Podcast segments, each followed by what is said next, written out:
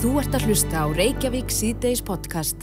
Uh, hún Höldarós Gunnardóttir sem er listakonna, kvimdagjörðakonna og hönnur mm -hmm. hún hafði betur í máli gegn Reykjavíkuborg í síðust vikum og það var það skadabætur uh, fyrir heimildarlausa nótkun borgarinnar mm -hmm. á myndinni hennar eða myndefni úr kvikmyndinni hennar Keep Frozen og þetta var sínt á sjóminna samir Reykjavíkur Já.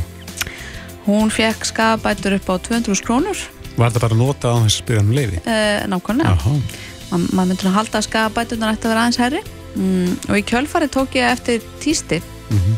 á samskiptamilunum Twitter frá leikstjóronum Baldvinni Setu þar sem hann var að tala um að órói kvikmynd sem hann gerði sem mm -hmm. vakti gríðarlega aðtegli var mjög vinsæl hafi verið nótuð í mentarstofnum landsins á þess að hann hafi verið spurður í leiði og hvort hann ætti kannski að fara bara í mál Já. við ríkið Er þetta bara stundar hjá þinn ofinbjörn? Það er bara góð spurning. Baldvin Seti, komin til okkar, velkomin. Já, hæ, takk. Veitu, hvernig hefur, hefur þessi stöldur en að gesalappa færið fram? Hvað, hvað, hvað er þetta sínt? Eh, sem sagt, frá árunum, sko, mér minnir þetta að vera frá cirka 2011 til 2017 á tjón að þá svona, fekk ég alltaf að heyra frá alls konar fólki bara, herri, já, hérna, barnið mitt var að horfa á hérna, óró í skólanum, ég bara, já, ok hérna, hvern, í hverju þá? Bara, já, þetta er, þetta er í lífsleikni. Og hérna og ég svona, var ekkert að pæla mikið ég held að bara einhver kennari hafi stólist í það að sína myndina í, í tíma sem er líka ólulegt, sko. Mm -hmm. og hérna Eh, svo fór þetta bara alltaf að verða meira og meira og, og það endaði með því að ég fór að gera smá svona research á sig og svona að reyna að koma staði hvað væri eiginlega í gangi. Og þá fann ég bara að eh, frá mentamálastofnun Íslands var útgefið kennslu efni það sem órói var bara hreinlega í bókunum. Eh, það var eh, sérst, hérna, tilmæli til kennar að nota þessa mynd. Eh, það voru leiðbynningar og spurningar og hérna það var linkurinn á handritið og, og myndin var sínd út um allt og, og hérna og þetta gekk bara, já þetta var bara í gangi e, veist, og það, þetta var ekki skilda hjá skólum, hann var ekki allir grunnskóla sem gerði þetta en, en mjög mikið af þeim. Uh, mentamálastofnun fikk aldrei neitt leifi frá okkur að nota þetta í sínum námsgögnun og auðvitað hefðu við leift það fyrir einhverja krónur og öyra sem hefði aldrei verið eitthvað substantial uh, hérna, fyrir þessa nótkunn En þegar við nálgust á og segja bara herri, hérna, þetta má ekki og þið verðið að veist, greiða fyrir þetta uh, þá var okkur bara sagt að ef við ætlum að fara í mál að við þyrtum að fara í mál í raun og veru hvern einasta skóla og sanna hverja einustu hérna spilun sem hefði farið fram. Og þetta, það var bara málað eitthvað svona risastórt fjall fyrir fram á nokkur sem við bara hefðum aldrei haft orkun í að gera sko. Uh, en þau tóku út efnið og mm. úr bókunum og úr uh, hérna, uh, námsefninu og ég veit ekkert hvort að hérna, það sé þannig í dag, ég veit ekki hvort það sé að byrja að nota þetta aftur, ég hef ekki hugmynd um það Uh, en ég hef búin að fá uh, mjög mikið af staðfesting á því að efni hafi verið mikið notað í grunnskólum. Ég gerði smá research líka og ringdi ákveðna skóla og, og þetta hefur verið notað út um allt. Eh, hvernig má það vera ef að mentamálastofnun gefur út þessar leiðbynningar, ef svo má segja, Já. að þú þurfa að fara í málu hvern einasta skóla sem nýti sér þar? Ég, ég veit ekki, allir hefði ekki þurft að fara líka í mál við þá út af því sko, mm. en svo hvað var það síningar á myndinni sjálfri að þá hefði ég þurft að fara í hvern einasta skóla. Og, hérna, og sanna það að myndin hafi verið sínd mjög oft. Uh, ég bara hef lent of oft í því að, að hitta krakka sem að, veist, leikara sem hafa leikið fyrir mig eins og ég hérna, ég lof mér að falla. Sem bara já, ég, veist, ég er svo óra á fyrst í skólanum. Þannig, að, þannig að þetta var já, og notað og mér finnst eiginlega merkilegt að þau hafi verið með handritið og verið með linkin og handritið líka sko, sem er alveg bara ótrúlegt sko. mm. þannig að mm, já, þetta er ekki tressandi sko En þú last uh, þessa frétt um Huldur Rós Já Hefur hún aðeins ítt við þér? Nei, hún, í raun og veru hefur hún bara dreyið úr mér veist, eftir ég sá hvað hún fekk útrúsu bara svona, jésús minn bara, ég þakka fyrir að hafa ekki farið í þetta ég hef enda með margra miljónar krónar kostnad og fengið eitthvað skýta 200 skall fyrir vikið sko mm. uh, en auðvitað ætti maður að gera þetta og því að þú veist, þessu skrítið að leifa svona stopnunum að komast upp með þetta sko mm -hmm. Um, Hefur þú heyrt um fleiri svona dæmi? já, já, það voru fleiri myndir enna og ég hef heyrt af fleiri framleiðendum sem hafa lendi í þessu og, og þeir gera þetta alveg bara blatantly sko, að bara nota efni ólulega. Þetta kemur á óvart en ég velti líka fyrir mér hvort að þetta mál hennar, hennar huldar sko, þó að þetta sé nú ekki háar fjárhæðir er þetta ekki prinsipmál? Þetta er prinsipmál, auðvitað, er það það. Um, hver veit, ég veit það ekki. Hvort það sé fordæmiskefandi? Já, það geti verið það, Mm. ekki spurning. En þetta er dónaskapur og þú hefur vantilega upplifað dónaskap þegar þú fórst að svona spyrjast fyrir um þetta. Já, já, algjörlega. Sko ekki frá sko, kennurum og skólastjórum í grunnskólanum og því að þau heldur öll í góðri trú að þetta væri allt samkant kunstærinnar reglum sko. Þannig að hérna er mentamálastofnun. en mentamálastofnun bara, já, bara mjög svona eh, beinskitt, eh, dónarleg og leiðileg viðbröð sko. Mm. En þú talaður um áðan að það væri ólulegt að sína myndina í skóla er það ólulegt að sína hana fyrir nefnendur á þess að byggja um lefi? Já, sko, það eru bara reglur uh, um opibera sýningar. Uh, ég man ekki hver fjöldin er, þú veist, ef það eru komin fleiri en tíu manns, þá ertu í raun og veru að sína almenningssýningu, sko, og þú þarft að fá leifi fyrir því. um, um, ég, ég þekki ekki þessa reglur 100% en ég veit, ég man það á sín tíma þegar við vorum að skoða þetta, þetta er alveg, þetta er alveg kólulegt. Rétt aðeins í lokin, áður um þessum þig, Já. Svörtu sandar, Já. þær verða frumsýndir, það ekki stöð 2, núna 25. desember, 25. desember, jóladaginn sjálfan. já, löglega sínt á stöð 2 fyrir alla Íslandinga. Vondur þetta þættirnir ekki inn í grunnskóla svo Nei, við já. beinum fram að þeim? Nei, nákvæmlega, já, við erum opbáslega spennt og opbáslega ánæð uh, með seríuna og það verður bara gaman að, að, að sína svona eina létt leikandi uh, jólaseríu fyrir Íslandika í ár. Sko þessi, þessi stikla Já, hefur vakið mikla aðtikli ég held að fólk skilja ekki nákvæmlega hvað það er að fara að horfa á hvað erum við að fara að horfa á? við erum að fara, sko, ég hef sérst kallað þetta hérna, ég hef kallað þetta, þessa seríu Dark Romantic Spennu Thriller. Það er ekki smá blanda. Já, um, það er morðmál, það er romantík, það er mikið darkness, en það er líka ógeðslega skemmtilegur húmor og frábæri karakterar. Mm. Og hérna, og ég bara, ég er búinn að segja, ég er búinn að lofa veistlu fyrir Íslandika, þannig að ég ætla bara að standa við það og segja að þetta verði veistla. Hvað er þetta margið þættir? Átta. Já, Og fyrst í þáttu 2005 og annar þáttu 2007. Nó, Þannig að við fáum, þetta er jólaveisla. þetta er jólaveistla. Einmitt. Baldur Seta, til hann ekki með þetta og kæra þætti fyrir komina. Takk fyrir mig. Þú ert að hlusta á Reykjavík C-Days podcast. Ég lendi í hópspjallum daginn, mm. það sem að voru þrýr grunnskólakennarar og talið barst að virðingalesi grunnskólabarna. emmitt Og þeir voru allir samála, þessi þrýr kennarar, að virðingalesi hefur auki skrýðal og hefur fæst niður í aldri. Já Þetta er ekki lengur bara hægt að skrifa þetta á úlingaveiki Nei, og uh, þær voru fannst mér bara svona sumarkverjar aðframkomnar, þetta voru allt konur. En það er spurning og, og kvekti áhuga minn að vita hvort að þetta væri aldingt vandamál, hvort að grunnskólakennarar almennt upplifið það að virðingaleysi sé að aukast og sé að færast jafnvel neðar í aldri. mm, Emmitt það. Á línunni er Þorgerður Laufey Dirksdóttir formaður félags grunnskólakennara. Góðan og blessaðan daginn. Já, komið þið sæl. Það er spurning, er þess e, þetta samtal sem hann Kristoffer átti við e, sína félaga er þetta algilt? Er, er virðingarleysi í, í garð kennara að aukast?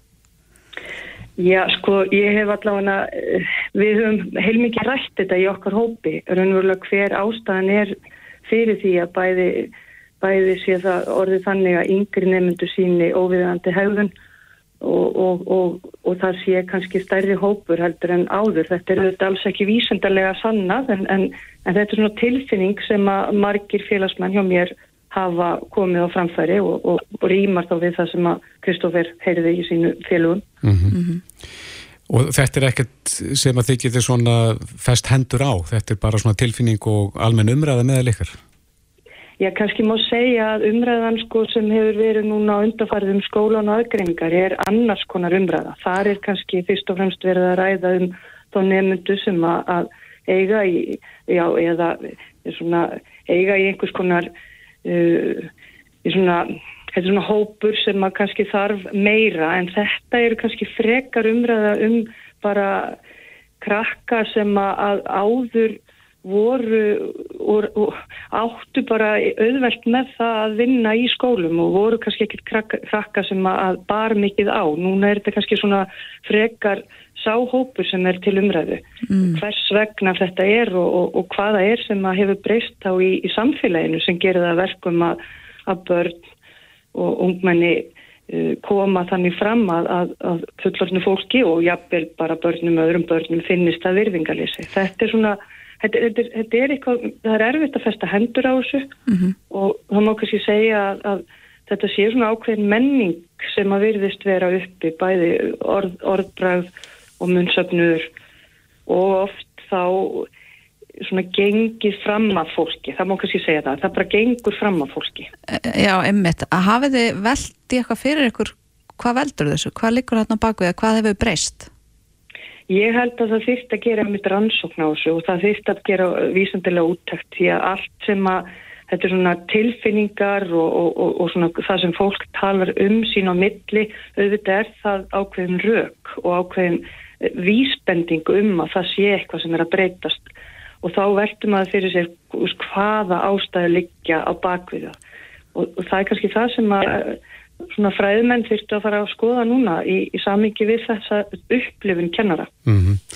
Nú heyrim að stundum á upplifun foreldra sem að flytja út og setja börnin sín í skóla í, í útlandum að, að það upplifir allt annan aga. Er við aga laus eða aga lausari hér á Íslandi? Já, við höfum nú svona lengum haldið því fram og haft það jafnvel í flimtingum að laus á Íslandi sé algjört og það má kannski segja sem svo að, að að það sé það og það kemur þá inn í skólana líka. Skólinn eru þetta bara samfélag. En það sem kannski má líka velta upp, það er, er uh, svo staður enda að samskipti heimil og skóla fara samkvæmt stjórnsýslu reglum. Og, og þannig verða í sjálfu sér allar öll viðbröð við hegðun, uh, hún verður oft mjög svona þung í vöðum. Mm. Og, og, og kannski þurfum við að fara að skoða þetta. Við erum auðvitað ekki með einsleitt samfélag og höfum auðvitað aldrei verið með það.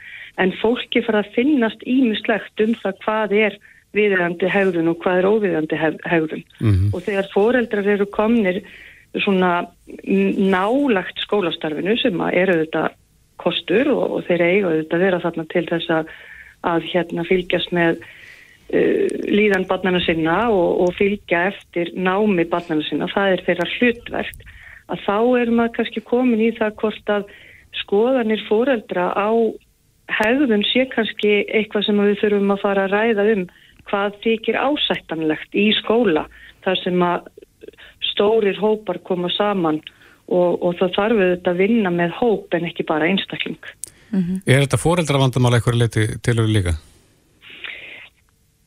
Ég held að börn séu börn fóreldra sinna og, og, og ég held að fóreldra, þetta sé ekki fóreldra vandamál, ég held að þetta sé bara samfélagslegt vandamál, þar að segja við ættum öll að setjast niður og velta því fyrir okkur hvað er ásættanleg haugðun í hóp mm -hmm. og þá er það ekki bara kakvart börnum sem er að læra að verða fólk og, og taka sín skrefin í skóla og eiga þetta bara þar gerist ímislegt, heldur þurfum við kannski sem samfélag að taka á því hvað er ásættanast. Þetta er mikil til umræðu til dæmis í um samfélagsmiðla, þannig að sko kannski er bara komin tíma á það að Íslands samfélag fara að setjast niður og velta vengum við hvað þykir ásættanleg hegðun og hvað er kurtið mm -hmm. Það er kannski eitthvað sem við höfum svona ekki farið mjög djúft í á undanförnum árum því við heldum kannski öll að við værum sammála hvað er kurtisi og hvað er ásættarlega hefun.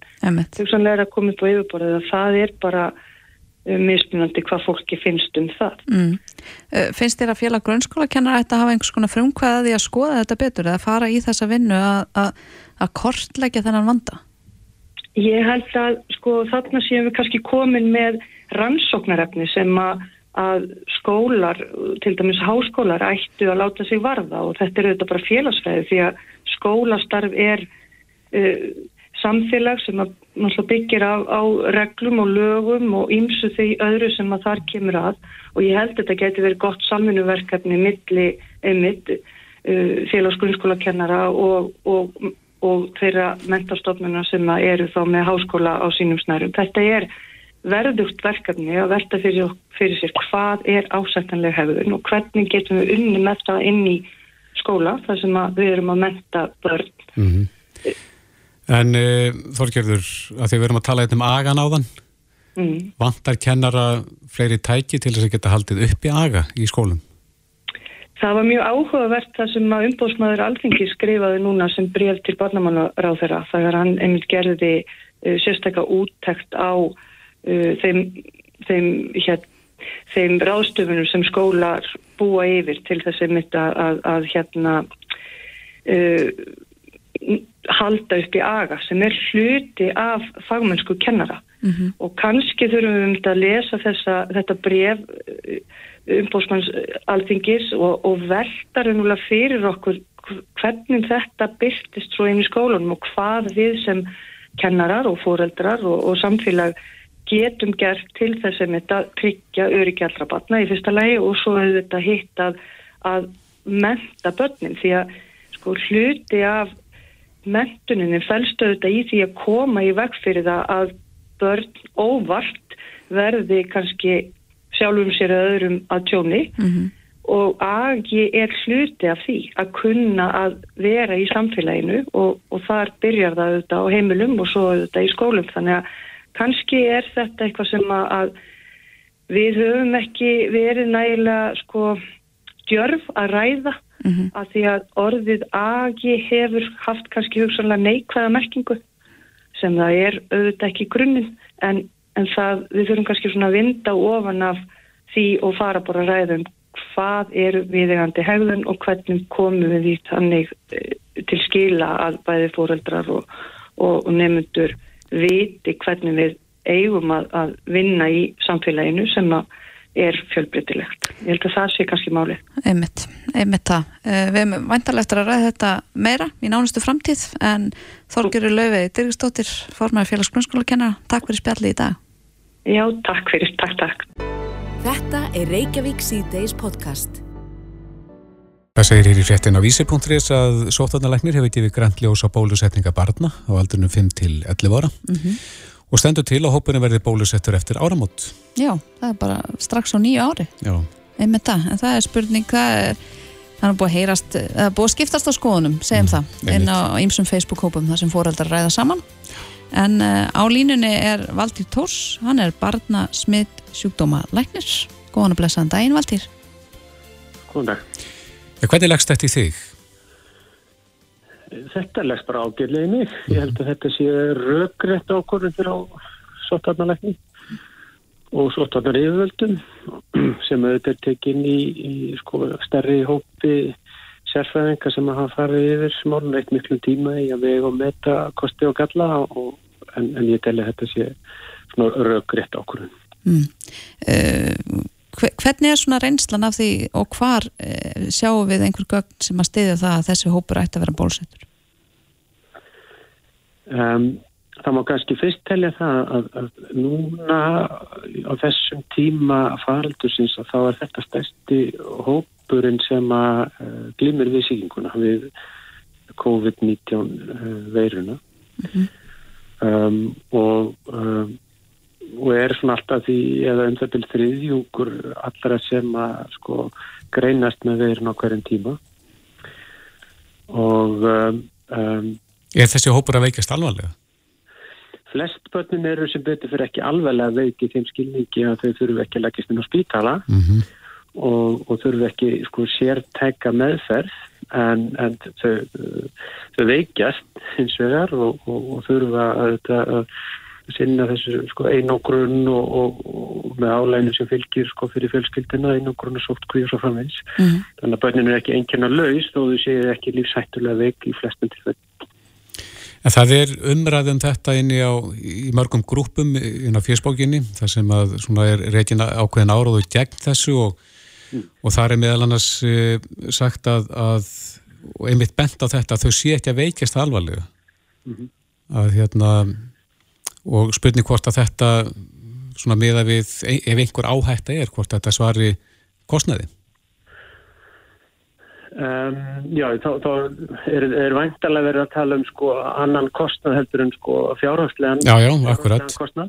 Mm -hmm. um, og, og, og það er alveg rétt að, að sko blessunarlega hefur þetta verið þannig að, að, að það eru fá börn sem hafa vext alvarlega í gegnum hennan faraldur en, en uh, hins vegar er ákveðin hluti þeirra sem að fær sko, fylgjikvilla og, og, og síðan er þetta fyrirbæri sem að við kallum sko, long covid það er svona langvarandi fylgjikvillirni sem að eh, sem að herjar á ákveðin hlut þessara barna sem að hafa, hafa vext. Er það sömu fylgikvillar og hjá fullorn?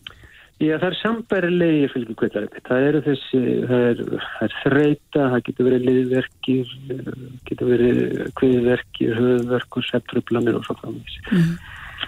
Um, þannig að þetta er alveg raunverulegt fyrirbæri hjá börnum þó að þetta sé ekki eins algengt og hjá fullornum að það verður samt alveg umtalsverður hópur. Mm. Verður þetta svona svipað með bólusetninga fullorna þar að segja uh, svipuð bólefni og börn þurfa að mæta þá í tvo skamt og jáfnvel örfunarskamt vitum við það eitthvað? Já, sko, þetta er, er sko, skamturinn er öðruvísi, þannig að það er bara þriðjúkur af þeim skamti sem að fullornir og eldri börn fá. Mm -hmm. og, og sá skamtur er valinn af því að, rannsóknir hafa sínt fram að við að nota þann skamt að þá fæst fram sko góð svörun við, við bólefninu og eitt af mjög mörgum uh, sko atriðum sem gera það að það er frábært að vera barn en, en það er þannig að því svara þennilega bólefnum vel og, uh, og við gerum ráð fyrir því að, að, að þau muni svara bólusetningunni vel núna og vera þannig þá varinn að einhverju leiti gegn, gegn síkingunni. Það er bara eftir eitt skamt. 100%. Mm -hmm. Já, sko, þið þurfa örglega, sko, er mjög líklega þurfa þið tvo skamta um, en það er svo sem eftir að koma ljós frá yfirvöldum hvernig, hvernig þau plegin eru en, en svona almennt er að þannig með flest bóluefni að sérstaklega eru gefin í fyrsta skipti þá þarf tvo og jafnvel þrjá skamta. Mm. En hvað viltu segja við fóröldar sem eru svona í einhverjum vafa núna, hvort að, hvort að þau eigi að, að samþykja þetta? Um, sko, minna, það, það er bara óskaplega eðlilegt að, að, að fólk sé sko aukandi og ekki síst vegna þess að, að það eru í gangi alls konar uh, umræður á, á internetinu og hvort sem eru Facebook-kópar eða annars staðar og og það eru þá yfirleitt sko svona um, um, fólk sem að sko kannski lætur meiri í sér heyra heldur en, heldur en svona þessi stærsti hluti sem að er tristir yfirveldum fyrir því að gera það sem við erum að gera mm -hmm. og, og þessi ákvörðun er ekki tekin sko létt ákvörðunin að, að, að gera þetta það er búið að ligg liggja yfir öllum þeim gögnum sem að, sem að liggja fyrir. Það er búið að, að grandskoða allt sem að, að gæti mælt gegn því að bólusetja börnin. Þetta er við með sko færistu sérfræðingar landsin sem er, er í að vinna við bólusetningar allan daginn og inn sem að vendarum taka þessa ákvörðunum. Ég segi bara við fólk treystiði sérfræðingunum. Mm. Er komin einhver einsla á bólusetningu barna eitthvað staðar í heiminum?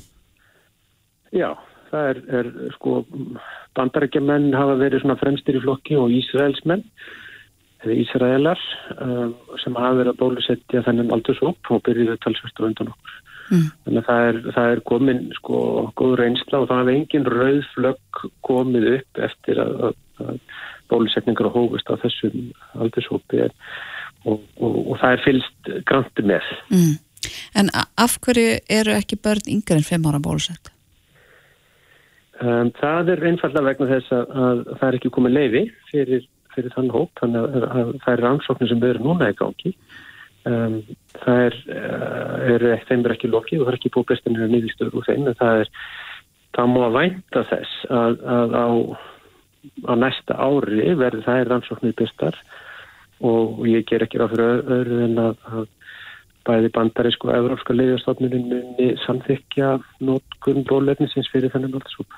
Já, þannig að í framtíðinu getur við séð fram á það að við verðum bara öll bólusett á sama, sama hvað aldrei við erum Já, það kemur ekki það Já. Valdir Tós, barna smitt sjúkdómalæknir, kæra þakki fyrir spjallið. Sjómulega takk. Reykjavík síðdeis á Bilginni podcast. Mér finnst við að farast í vöxt núna på síkast í fréttir af stuldi á farsímum. Það er fátt verra en að lendi því að farsimannum hans í stólið. Já, og það verðast einhverjur óbrúttir aðeilar gera sér það leik að fara í búningsklefa hjá börnum sem að er að stunda íþróttir og reynsa einfallega úr uh, vössum Já, og það voru börn, ég held að það verið 12 eða 13 símar á einu bretti sem að hurfu, hurfu. það gerist nú alltaf mikið lágkurlegra Nei, þetta geta verið dýrtæki líka. En ég held að það væri orðið mun erfiðara að stela símum og geta komið inn í nót aftur. Einmitt. Að þessi fyrirtæki eins og Apple væri búin að svona gerða betur fyrir það. En á línunni er Alli Stefán Ingvarsson frá hlaðvarpinu Tæknivarpið, kom til sæl. Já, góðan daginn. Er það ekki rétt? Mér minnir að, að þegar ég hef þurft að setja upp nýjan síma eða, eða þurrka af gömlum síma þá þarf maður að setja Apple ID í passvörðið sitt eða, eða líkilorðið. Þetta er alveg rétt, en það er auðvitað hægt að, eins og með flestana, er hægt að slökka á þessu. Já, þetta komast það fram hjá öllu hérna- Já, þess að nótið sjálfur geta slökkt á Find My fítusnum og, og þeir sem eru, þeir sem eru að hlusta núna, ég mæli endiði með því að þau farið inn í tíman sinn og kíkja inn í settings og kveikja á Find My og leiði þess að Find My fá aðgang að stafsningu símans, uh, því það getur gert ímyndslegt. Já, find my phone. Já, Find My heitir appi í dag, Já, hétt Find My iPhone. mhm, mjög lengi og hérna, en þess að virkar núna að breytti Find My því það virkar með að mörgum vinstandi tækjum í dag, þetta virkar líka með úrinu og, og iPad og, og MacBook og fleira mhm, uh, en það sem er að gera þarna þetta er í rauninni skipulaðsefnar uh, og það eru, það er þannig einn aðli mjög námið sem þetta í svona uh, ráni, einmitt í búningsklefa í jókastöð mm. og þar, það var þetta komið verkla þar að læsa hurðinni sem sagt, inn í búnskana þegar tíminn byrjaði en það bara glemdi þarna því miður. Og öll tæki tekinn öll tæki tekinn já, og hérna og þessi aðlega hringdi mig og við svona unnum svolítið saman að þessu og ég fylgist vel með þessu hérna, og við sáum sem sagt, síminn var þess að það var ekki slögt á símanum oftast eh, þá slökka þjóðinir á símanum strax. Mhm, og þannig að glemdi þjóðurinn að slaka á símanum og hérna og vegna tenginga þá náum við að koma lögreglunni á næsta stað því að þjóðurinn fór ræðlega beint á hótel í Reykjavík, mjög stöld hótel og ætlaði þess að reyna að komast inn einhvers stað þar og hérna það hótel er með tvo inganga nú eru kannski flesti búin að kíska hvað hótelið er. Og þegar lögreglunni er að lappa hana inn til þess að ná í þjófinn þá sér hann lögguna og hleypur í hináttina út um hinn ingangin eða útgangin já, og, og hérna og þráttur það að það sé hægt að, að hérna, rekja tímana þá er náttúrulega bara flóki mála að koma þeim aftur í hendur þínar. Ef þetta er svona skipilaði þjófnaður og þá er langviklega það tíminn sé á leiðin út land Já Er- Er auðvelt að, að koma nótum símum í verð? sko, já og nei. Eh, er þetta eru dýrtæki og, og hérna gamle síma geta verið mjög segja, það, það getur verið erfitt að nálgast iPhone síma til dæmis í, í ríkjum sem eru fátækarendur um við þannig að það getur verið mjög sniðt en að koma þessum símum út til annara landa þar sem í rauninni það er ekki algengt að fólk sé með dýra síma uh, og, og það má líka minnast á það, það er ekki allir uh, með þetta eins einfalt á Apple. Uh, Apple er að selja sig eitthvað svona annarkvæmt tíma á, á Íslandi, kannski aðeins minni það 40%, mhm, það er líka alveg haugur að síma mann úti sem eru ekki með eins gott uppnýrgarferli sem býður um að setja slíkt. Og ég mæli eindri með því að fólk sem er með annars konar síma þetta er enn iPhone, kynni sér það líka og setja það upp. Mm. og það sem ég vil líka ítrekka er að það er mjög mikilvægt að vera með mjög góðan passkóða inn í síman Já, að vera ekki með fjarastafa passkóða og vera ekki með byrjunum á kennetölunin sinni. Það er alveg bannað eða síðustu fjóra. Og þú veist, hámarkarinn er ekki þarna. Því að sagt, hérna, önnur mjög nákvæmum mér, hún lendi því að uh, símanum var stóla, stólið og hún var með 8, 8, 8, 8 eða veist, fjórar áttur eða 6 áttur inn í síman mhm, svo fer aðlun og resetar líkilörun inn í Apple ID er tengt við e-mailið. Þau komast inn í e-mailið. Þetta bara svona að rúla upp. Úf, síminn bara algjörlega horfin úr hennar kerfum og hen- hennar tengingum á bara eh, tíu mynd já, tók þjófurinn þá og fjarlægði síman út úr hennar reikningi. Rí- já, hann er rauninni endrið líkilorðið að Apple-lætinu og, og næra að koma sér út úr hennar kerfi. Já, já. Þetta getur verið dýrt spaug. Já, en í rauninni það sem ég mæli með að langoftast er þessum að skipilagt, þá er líklega síminn farinn. Það, það er alveg, það eru líkur líka á því að það sé hægt að brjóta upp síma. Ef síminn sem þú ert með er orðin gammal eða er óuppfærður, er ekki með nýjustu öryggisöfallir, þá eru til svona tölfur sem eru seldar, uh, sem eru aðalega seldar til leinithjónustu aðalega í, í heiminum, sem geta í rauninni auðvitað brotið upp eldri útgáðar af styrkjum.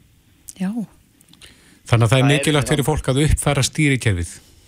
Já, uppfæra stýrikerfið, geta góðan pinn kóða á eða passkóða og passa er unni varalegir og jafnvel virkja tí þetta aukningu. Já, einmitt. Er, það, er ekki flestir komnir með það eða þurfum við aftur að, að hérna, bríða það fyrir fólki að vera með þessa tvíþættu auðkenningu? Jú, ég, það er unni, sko, Apple hefur verið leiðandi í því að innlega tvíþættu auðkenningu mm -hmm. uh, og það er búið að vera í mörg ára þannig að fólkjörunni þarf alltaf að leifa nýtt tæki inn í, inn í sitt Apple-æti uh, en þú þarf líka tvíþættu auðkenningu annars þar, þú þarf líka bætinni við á hérna, e-maili og fleira til þess að stoppa óbrúðum að komast ykkur gögn. Og rauninni það er mikilvægt sem ég finnst í rauninni þegar tíminu svo sannarlega stólinn í einhverjum svona skiplu það er að rauninni að strauja síman þannig að við komum til að sé ekki með aðganga einhverju viðkomum upplýsingum eða bankaninu með einhver kostum. Já, straujan þá bara í gegnum netið. Já, ef þú ert með Find My Offset þá strax á hann tengist þá getur þú látið straujan, þú getur líka kveikt að svo kvöldi lost mode. Og þá getur þú sett skilabóð á skjáin og læst símanum, þú, mm -hmm. þú, straujar hann ekki. Þú bara, til dæmis, ef þú heldur í alveg hansi týndur, þá getur þú sagt hérna týndur sími og sett inn símanumri hjá einhverjum sem er með það virt. Og e- eitt af því mikilvægast sem þú getur gert hvað varðar um, stundur og síma er að skipta um simkort eða gera simkorti sem þú ert með núna í símanum sem er farin úr þínum höndum mm -hmm. Því að einn algengast að tí þetta aukenningin eða fittni aukenningin er SMS og ef að þjóðurinn er með aðganga af fínkortuninu og símaðinu og þeir náða að gíska pinni þá, þá ertu ekki góð mál Já. Það er mörg horn að líta greinilega. Maður þarf að hugsa rætt ef að símanum hans er stólið Já, þú ert búin að gefa mörg Alkjörlega. góð ráð þarna en, en er það nálgast að það verði að þessi síma verði bara gagslausir fyrir þjóðana Já, í rauninni, sko, ef að símin ef þetta er nýðsími, þá myndi ég segja að hann sé er uppfærður upp í topp með nýjast útgáð öllum örgisefallum þá eru svona 2-3-4 ef ekki 5 ár til að, að þessi útgáð verði hakku þannig að þeir eru það bara döðir sko. Já, akkurat. Það er nú gott að heyra bóti máli fyrir eitthvað kannski en Alli Stefán Ingvarsson frá hlaðvarpinu Tæknivarpið Takk fyrir þetta. Takk fyrir mig Jæja, henn á ný, þá eru málefni fjölmiðla komin á dagskrá, mm -hmm. núna með byrtingu fjárlaga frumarsins og það sem við vækja aðtegli þeirra sem starfa í fjölmiðlum er uh, svo upphæð sem að varið er til já, bæði ríkisins, ríkis fjölmiðelsins, ríkisútásins og síðan fjálsra miðla. Mm -hmm. Það við dreyið úr fjárframlegum til fjálsummiðlana en, en stóraukið við framleg til ríkisútásins, ekki 432 miljónir sem að fara þánga. Mm -hmm. Nefnitt.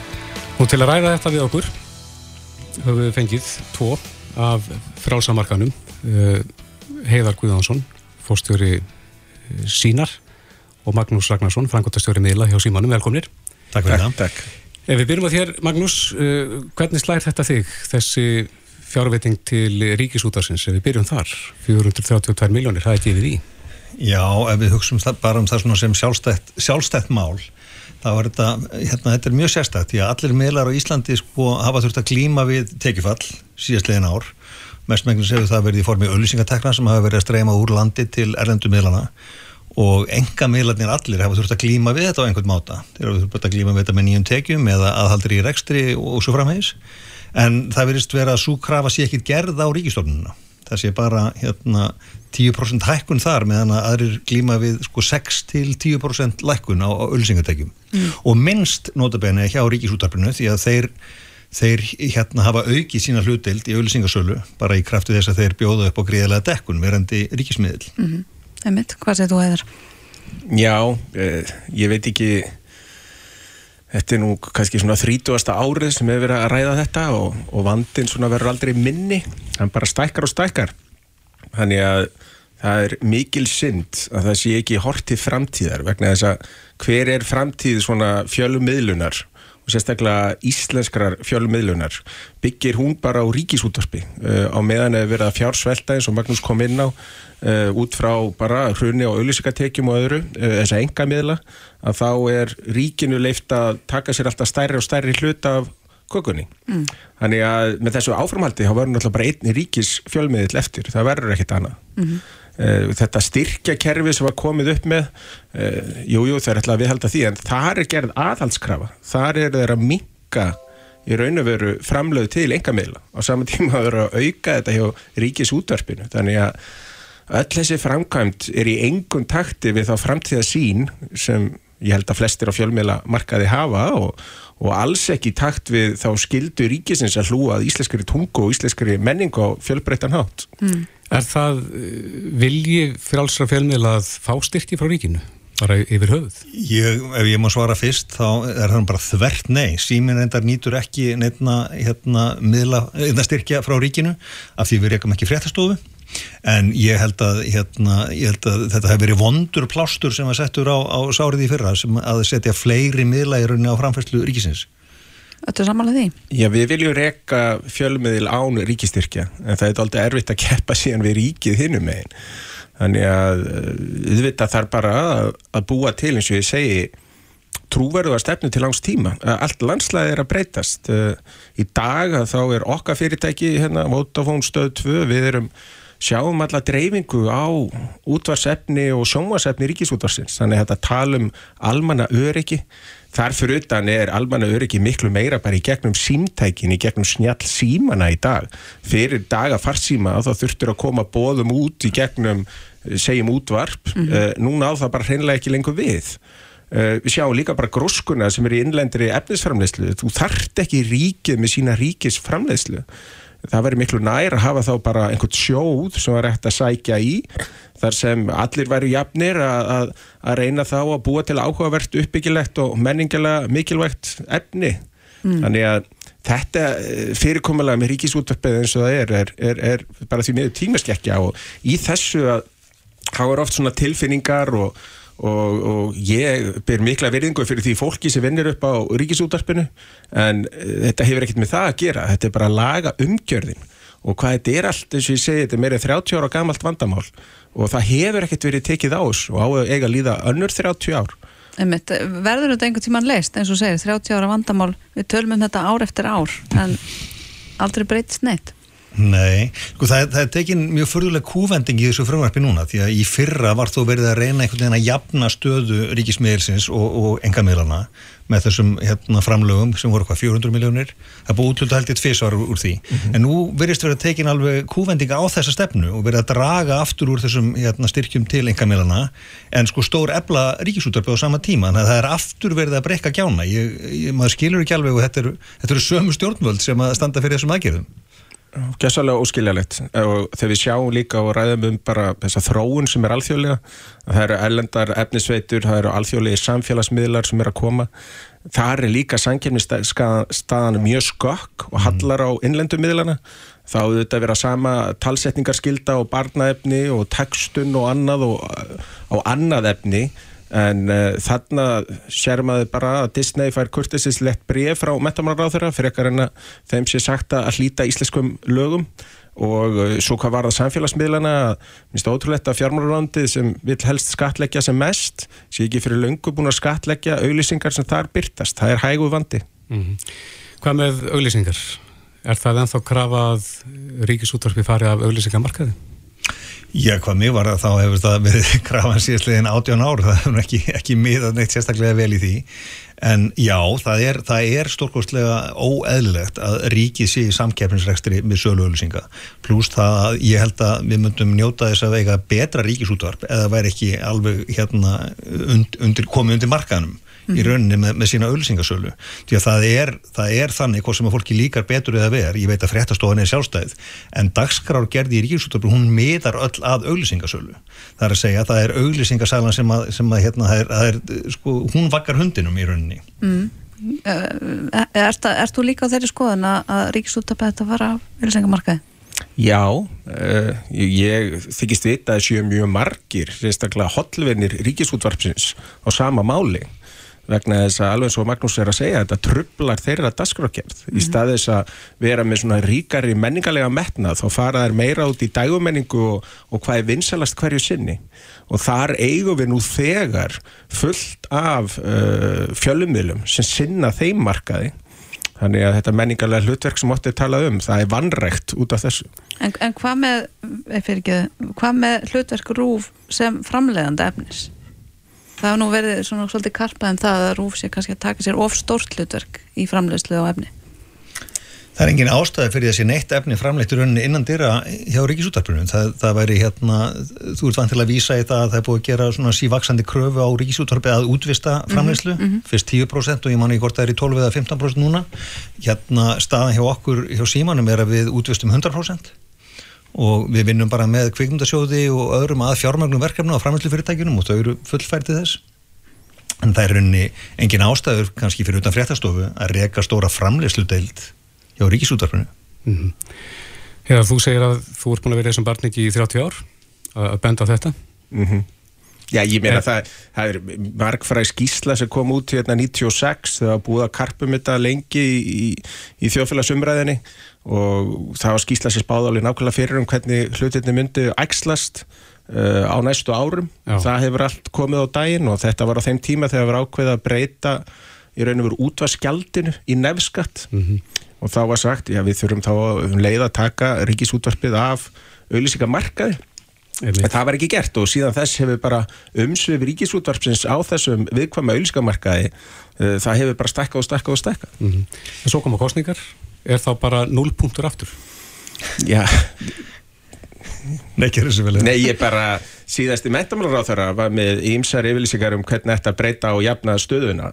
Og, og síðan hefur ekkert gæst og, og mér sýnist samir á þeirra að vera með málaflokk fjölmiðla en það dag í dag og, og ég get ekki séð að sé einhver meiri metnaður í breytingu núna heldur þvert á móti og svona öfugþróun kemur hann alltaf óvart. Það hefur verið að tala um sjálfbærni í samfélaginu það hefur tala um að minga sóun það hefur verið að tala um að auka fjölbreytni og þetta er allt í anstöðu við það. Mm -hmm. Heiðar Guðjónsson og Magnús Ragnarsson kæra þætti fyrir komuna. Takk, takk fyrir. Hlustaðu hvena sem er á Reykjavík C-Days podcast. Já, Reykjavík C-Days eh, klukkuna vanta 22 minútur í 5 og um, það var að koma tilkynning frá eh, almannavörnum. Já. En Ríkislauglustjóri í samráði við net öryggisveit Sertis og fjárskipta stofu lýsa yfir óvissust í almannavarna vegna þessa veikleika í, í tölvökjari sem að þræktu verið frá í, í fréttum. Já, log fjórir jóð. Já, einmitt. Ætli þetta hafi gæst áður á óvissusti hafi líst yfir vegna veikleika að þessu tægi? Hef ekki hert af því, en Guðmundur Arnar Sigmundsson, sviðstjóri nétturikisveitar eh, Sertis, er á línu, kom til sæl. Já, komið sæl. Ve veist þú það, hefur þetta áður gæst að óvissustíði hafi líst yfir vegna veikleika þessu tægi? Ekki á almanvandnastíði, eins og ég veitir til, en það hefur verið hækkað upp í hérna óvissustíði áður bara að samkvæmt eftir á allum Sertis. Mm -hmm. En, en hvað þýðir þetta? Alveg hvað það var. Nei, hvað þýðir þetta? Þetta þýðir í rauninni bara það að uh, þessi galli sem uh, kom í ljós hérna í síðustu viku, uh, hann er það viðtækur og það alvarlegur og býður upp á það marga ársafletti að rekstraræðila tölvukerfa, ekki almenningur, þeir þurfa að hérna, setja þetta í algjörna forgangjósir, að greina hvaða kerfi líkjundir, mm. grípa til varna og, og, og viðbræða uppfara kerfin ef það er komin uppfærsla og ef það er ekki komin uppfærsla hjá þeirra byrgjum að grípa þátt annara varna og síðan að tryggja nokkuð öllu eftirfylgni fylgjast með kerfun. Mm. Þannig að almenningur, þarf ekki að spá þessu í farsímanum eða heimilistölfunni eða eitthvað slíkt? Nei, ég myndi nú vera rólegur yfir því og mm. hérna Þetta er galli í, í kóðasafni sem er eh, nýtt hjá ívulega stórum fjölda hérna, þjónustu veitna sem eru á netinu og tegir sig alveg langt inn í internet og innri kerfi e, hjá hinnum ímsu þjónustuhópum. Og það eru fyrst og fremst þessi kerfi sem leikja undir. En vissulega hérna er er uh, ástæða til þess að minnast á að bara við almenninga þegar þú allavega þú veist, tryggja þessi með örugar vírusotnir og uppfæri en það er bara svona almenn góð neyturíkis meðvitund Mm -hmm. En getur þetta bitnað að eitthvað liti á okkur svona bara eh, sem venilegu borgur? eh, sko eh, enn sem komið er höfum við ekki fengið eina tilkynningar um að, að hérna, að brjótast inn í kerfi sérstaklega en við vitum til þess að það er verið að skanna íslenska innviði eftir eh, þessum sérstaklega veikleika það er algjörlega háð kerfinu sem er undir hversu miklar afleggingar þetta hefur fyrir almenning í landinu Mm. og það eru gífulega viðkvæm og mikilvæg kerfi keirandi sem eru sannarlega með þennan gallaða kóða í sínum bakendakerfum. Ef að aðeila komast inn, komast inn í þessi kerfi þá er í rauninni ógjörningur að segja til um hversu miklum skada þau getur oplið inn í kerfinu. Og meðan að staðin er þannig þá þarf að, að hérna, bregðast þessu með bara hæsta fórgangi og það er eina ástæða þess að, að þessi galli er að fá þetta hægsta skor í alvarleika mati sem hægt er, hægt er að gefa. Og svona e, þetta er nokkuð keimlíkur galli á við hérna sambarlega galla sem var, kom upp hérna 2016 og kallaði vonakræ Mm. og þar voru mjög alvarlegar afleðingar erlendis e, þar sem að e, sjúkrafs voru tekin bara úr umferð í, í lengri tíma. Og það er bara dæmi um einhvað sem að gæti gæst ef allt fyrir að versta veg. Uh, hef, hef- hefði eitthvað verið hægt að gera, hefði verið hægt að hafa öflugari forvarnir, er eitthvað sem hefði verið hægt að gera uh, áður en þetta fór á þetta sérst, þetta óvissu stig? Nei, í raunin ekki. Uh, þetta er galli í hugbúnaði og, og það er engin ásetningur á bakvið að hafa þetta svona. Uh, gallar eru bara hins vegar gallar. Þeir uppgötast, þeir eru uppgötast og um leið og þeir uppgötast þá er, þá er orðið almanna rómur uh, þessi nýji árásar flötur og þá hefst þetta kapplöpu tíman í rauninni uh, þeir sem vilja nýta sér þennan galla til þess að já, valda skada eða skemma eða, eða já, já, bara vera í runni í, í mondaliðinu og svo þeir sem eru að sinna vörnum og rekstri á kerfunum og hérna þurfa að bregðast við og, og stoppa í hólunar. Hvað er verið að gera varandi viðkvæm eh, ríkiskerfi? Þetta er manni höf bara landsvirkjun og, og slíkir aðlar eða, eða heilbriðiskerfið? Það er rauninni bara alveg sama hvar eh, þú stíðum við fæti núna. Síðan bara síðan að þetta uppgötaðist í síðustu viku og yfir alla helgina þá hafa rekstaraðalar allra þessar stóru kerfa verið á fullu. Uh, og þetta er greiningavinna þeir eru að greina hvaða innri og ytri kerfi uh, eru undir eru, eru með þennan galla og eru að stoppi þau gött eða þeir geta. Og ef að það er ekki komin uppfæsla á kerfin þá eru þeir að grípa til kannski svona ídrari varna með því að loka á kerfin tímabundið eða jafnvel slökkvaðan Mm. með tilherandi þjónustu rofi. Aftengjaðu við netið? Það, já, það er alveg svona ídrustu dæmin. Eh, Þar sem að öryggi, öryggi kerfisins er metið herra heldur en kannski þjónusta þess.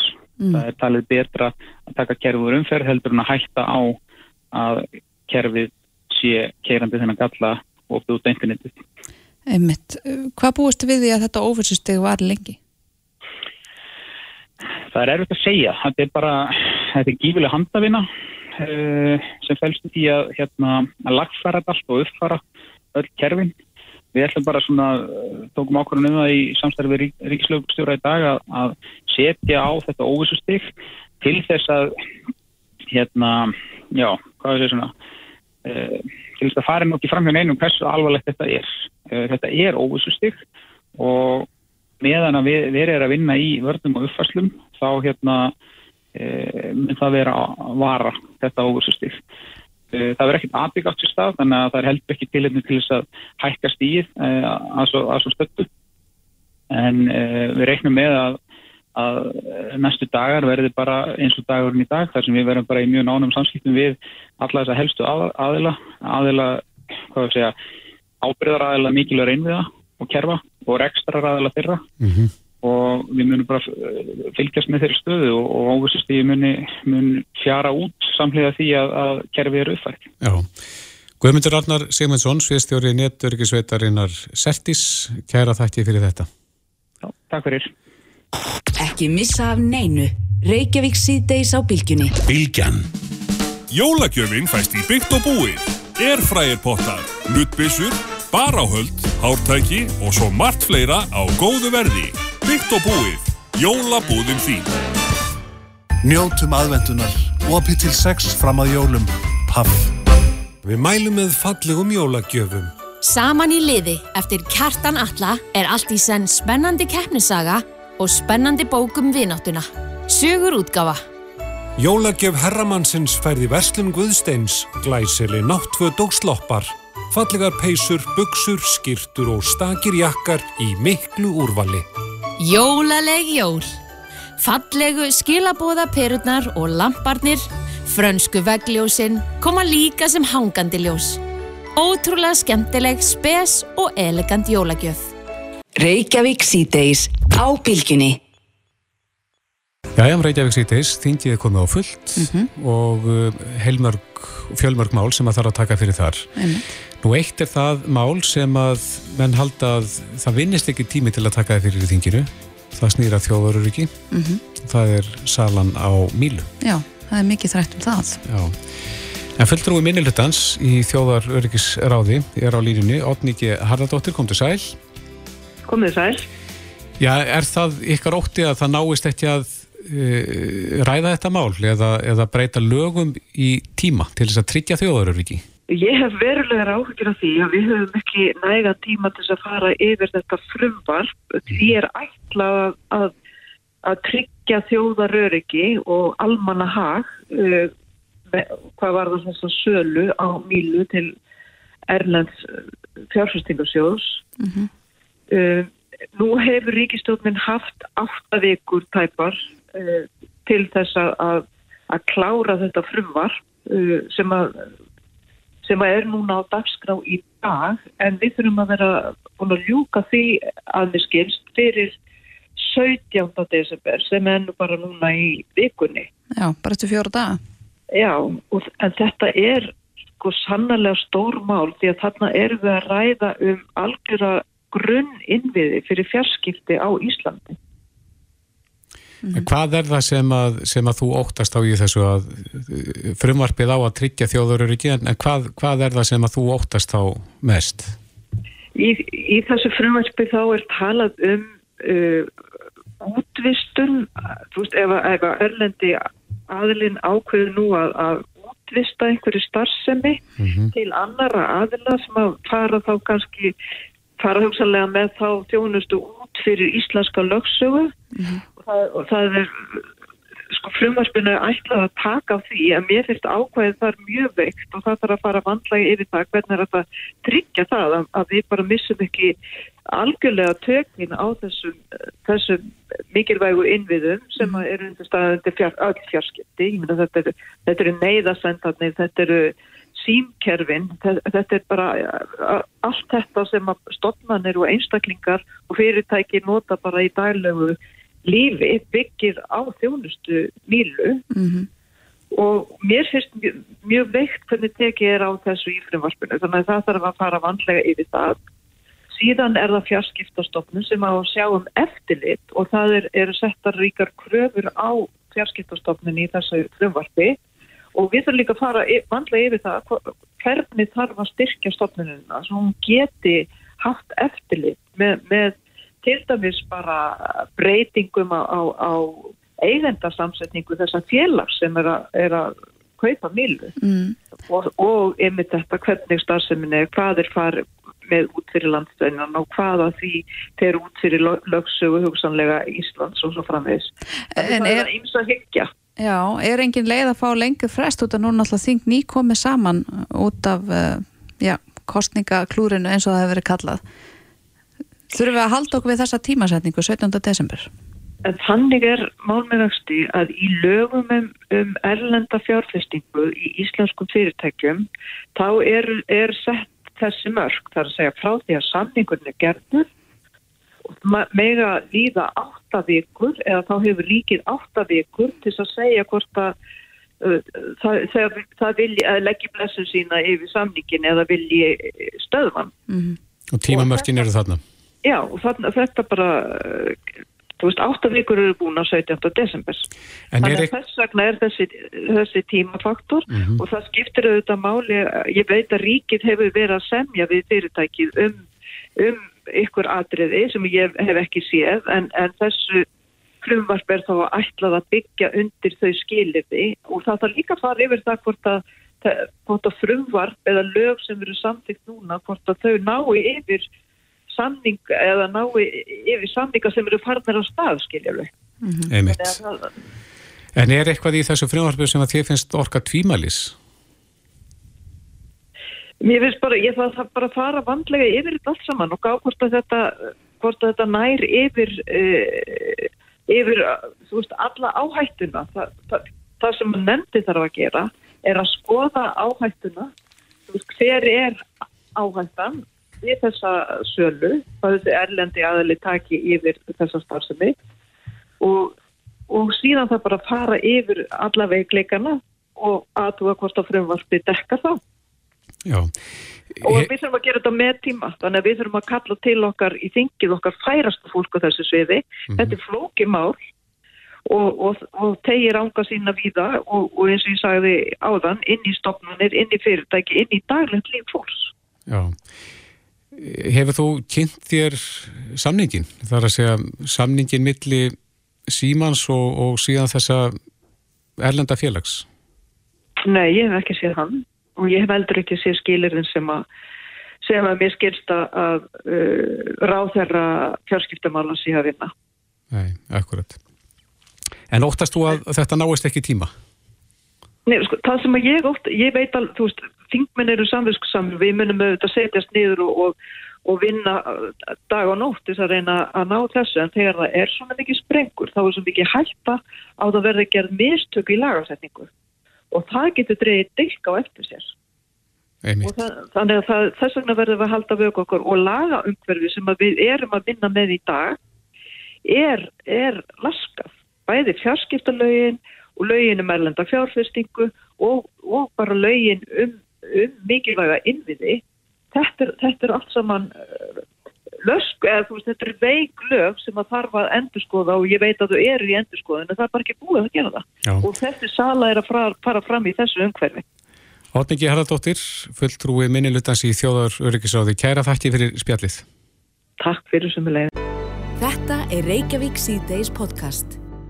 Það bárst þær í fréttir í dag að væri verið að dreifa nektarmyndum af íslenskum stúlkum á einhverju sem heitir Discord sem ég nú reyndar ekki heyrt um fyrir Aldrei dag. þetta áður? Nei, en uh, ég las mér þess til og þá er þetta svona eh, samskipta hugbúnaður, ef svo má segja sem var nú upphaflega fyrir eh, tölvuleikjaspilara til þess að Mm. bera saman bækur sín og að hafa samskipti en, en núna búin að snúast út í eitthvað miklu miklu verra. Já, menn finn alltaf nýja leiðir, vantarlega. Já, það er kannski það sem gerir þessa baráttu vonlausa finnst manni Mhm. oft á tíðum, Í það mesta pínus núna. Algjörlega en eh, hingað er komin Marja Rún Bjarnadóttir hún er verkefnastjóri Stafræns ofbeldis hjá embætti Ríkislörgstjóra, verður velkomin Takk fyrir. Það er svolítið sláandi fregnir svona að fá á, á mándegi fyrir jól Mhm. um, Hvað getur þú sagt okkur um, um þetta mál og um þennan hugbúnað sem ég hafði persónulega aldrei heyrt um? Nei, einmitt, ég held að sko eftir því sem að bara mér þykir leiðilegt að segja þetta en eftir því sem við eldumst að þá erum við minna í kannski svona takti við það sem að er he- heitast á samskiptamiðla markaðnum og hérna þá við með um mig eins og, eins og marga aðra, ég er ekki að segja það um þig. En hérna en Discord þetta er svona þjótt eða svona netþjótt sem hefur notið mikla vinsalda hjá tölvuleikjaspilurum og, og bara hjá ungu fólki um tónu okkur skeið Er þetta svona samskipti maður að mann? þú getur gert bæði sko uh, og þú með þú býður kannski inn í hóp þeir og til dæmis oft sko ef að, ef að fólk er að spila um, sama leikin uh, og nota síðan Discord svona spjall eiginlega til þess að, að vera að spjalla um það sem er að gerast í leiknum og bara um daginn og veginn eh, til hliðar mm. sko. Með því að skrifa og tala en Mhm. geta þið líka sendt þá ykkur skrár á milli Já, það er hægt að deila myndum og, og alls konar sko. Ég, þetta, er, þetta er svolítið, þetta er kannski svona Facebook unga fólksins sko. Já. Já. Eh, að mörgu leiti og, og hérna, og auðvitað er, eh, er efni dreift þar eins og allstaðar annar staðar sko, sem er ekki lægi. En ég held að, að hérna, við þurfum líka rosa mikið að passa okkur alveg eins og fólk, ég veit, það voru margir sem voru stressaði við TikTok sko þegar það kom að er þetta ekki eitthvað ræðilegt sko, að, hérna, það er það er eitthvað ræðilegt allstæðar en við þurfum bara svolítið að stilla krakkan okkar og okkur sjálf, fullartna fólkið inn á örugan netnótkun Mhm. og, og það er eh, svona herfer sem við erum með í gangi núna í, í grunnskóli landsins. Og hérna samfélagslögur búin að fara í og, og tala við næstu í þúsund krakka um, sem er í áttundabekk og það er náttúrulega alveg ljóst að sko uh, það, við erum náttúrulega með kynslu sem er að alast upp uh, í bara netnótkun sem er allt öðruvísi heldur en við erum vön.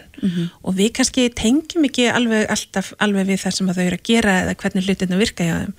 En það er bara eitthvað sem við þurfum að laga okkur að sko. hérna, tæknin er ekki að fara neitt. Og, og þessi samskiptamiðlar og, og hérna, það hvernig unga fólki er að eiga samskipti það heldur áfram að þróast. Þannig að ef að við ætlum að halda í við það þá verðum við bara að, að, hérna, að haska okkur Já, í það. það er greinilegt en eins og þetta tiltekna mál, ég sá nú á Twitter í dag voru einhverju búin að tilkynna þetta til lauruglu, Mhm. í hvers konar ferli fara slíkar tilkynningar? Sko ég hérna uh, hafði nú samband við kynfærsbrottdeildina í hjá höfubrukssvæðinu þau hérna myndu halda utanum svona og, og eftir því sem að mér best skil, eftir því sem að mér skilst að þá hefur eitthvað skona tilkynning borist til kynfærsbrottadeildarinnar Mhm. uh, og svo er, er hérna bara, þú veist, fer það bara í hefðbyrtu farveg. Það sem að bara án þess að lýsa sko nákvæmlega hvernig þetta mál mun, mun fara, ég náttúrulega þekki það ekki, ekki sérstaklega og ég kem ekki að rannsóknunum með beinum hætti almennt, en, en almennt getur maður sagt þannig að það kemur inn tilkynning og þá er náttúrulega farið í það að bara leita gagna eh, og þau geta, þeirra er hægt að afla með ýmsum hætti. Það er bæði hægt að afla gagna bara beint með því að skoða hreinlega vefsíðuna eða, eða viðkomandi netsvæði sem er verið að skoða. Um, og eins og í þessu tilviki þá er náttúrulega hægt að hafa samband við viðkomandi miðil til þess að byggja um upplýsingar á bakvið eh, notendanöfn Beðum IP-tölur þá og slíkt. Já, það er líka hægt að gera það, sko, en það er, það er, það, miðlarnir eru líka misliðtækir, svo, svo verði ekki meira sagt, að hérna, suma þeirra er, sumir þeirra er, getur haft samband við og, og beðið um, ég vil fá skráningar og upplýsingarnar sem er á bakvið þetta hérna notendanúmer, svo getur það líka beðið um eipitöluna eða þú getur beðið um hérna hvenar einhver loggar sig inn á þennan reikning eða hvenar hann loggar sig út. og við þurfum svona mis, við erum með mismunandi heimildir til þess að óska eftir mismunandi gögnum. Þannig að stundum er hægt að hafa bara samband beint við miðlinn eh, og segja við viljum fá þessi hérna gögn af því að þetta er svona hérna brot og þau þurfið að gera það. En stundum þá þurfum við að fara í gegnum svona ferli sem þetta er réttabeðni og þá þurfum við að fá sko úrskurð frá íslenskum dómara sem að segir að þetta séu gögn sem að við megum fá og þá þurfum við að senda þá þarf svona íslenska dómsmálaráðanetið að senda það til dómsmálaráðanetins í því landi sem að e, viðkomandi miðill er staðsettur. E, og það dómsmálaráðaneti fyrir aftur í mál eða fyrir dóm í þeirra landi. Hvað er það langt ferli? þetta er hæðilega langt ferli, þetta eru margir mánuður oft. Og þetta er alveg sko, og þetta er í raun og veru megin þungin í því af hverju þessar rannsóknir taka svona hræðilega langan tíma Er ekki þetta stikta þetta ferli? það er náttúrulega, þetta er í raun og veru alþjóðlega samningur, þetta heitir Mutual Legal Assistance Treaty þannig að þetta er kallað MLAT fyrir komulag Mm. og, og þetta er byggt á svona evróskum uh, tölvubrótasamningi í raun og veru sem að uh, er svona grunnsamningurinn sem að flestir er að nota, uh, langt flest ríki og þá er í raun og veru bara veist, þetta, þetta er þetta fyrirkomulega sem að verður til sko, þú veist, þegar við erum allan það að nota faxtæki sko, þú veist, Já. ég meina upphálega voru þessa beðni faxar og, og allir rosa lánað með að tók bara, þú veist, þrjá mánuði að prósessa það sko um, það, við höfum bara ekki náð að halda í við þessa þróun og það er ekkert sér Íslands sko. þetta Nei. er bara alþjóðlegt vandamál sem að er mikið til umræðu það er hérna bæði á vettvangi Euróbrásins, Európas sambandsins og, og nú hafa svona bandarækjumenn aðeins tekið við sér í þessari umræðu um það hvernig við getum breytt þessum ferlum. Vegna þess að þó svo að, að hérna gögnin séu vistuð í einhverja annara lögsögu heldur en að við erum í að þá upplifi notandin og borgarinn hann upplifi það ekkert að,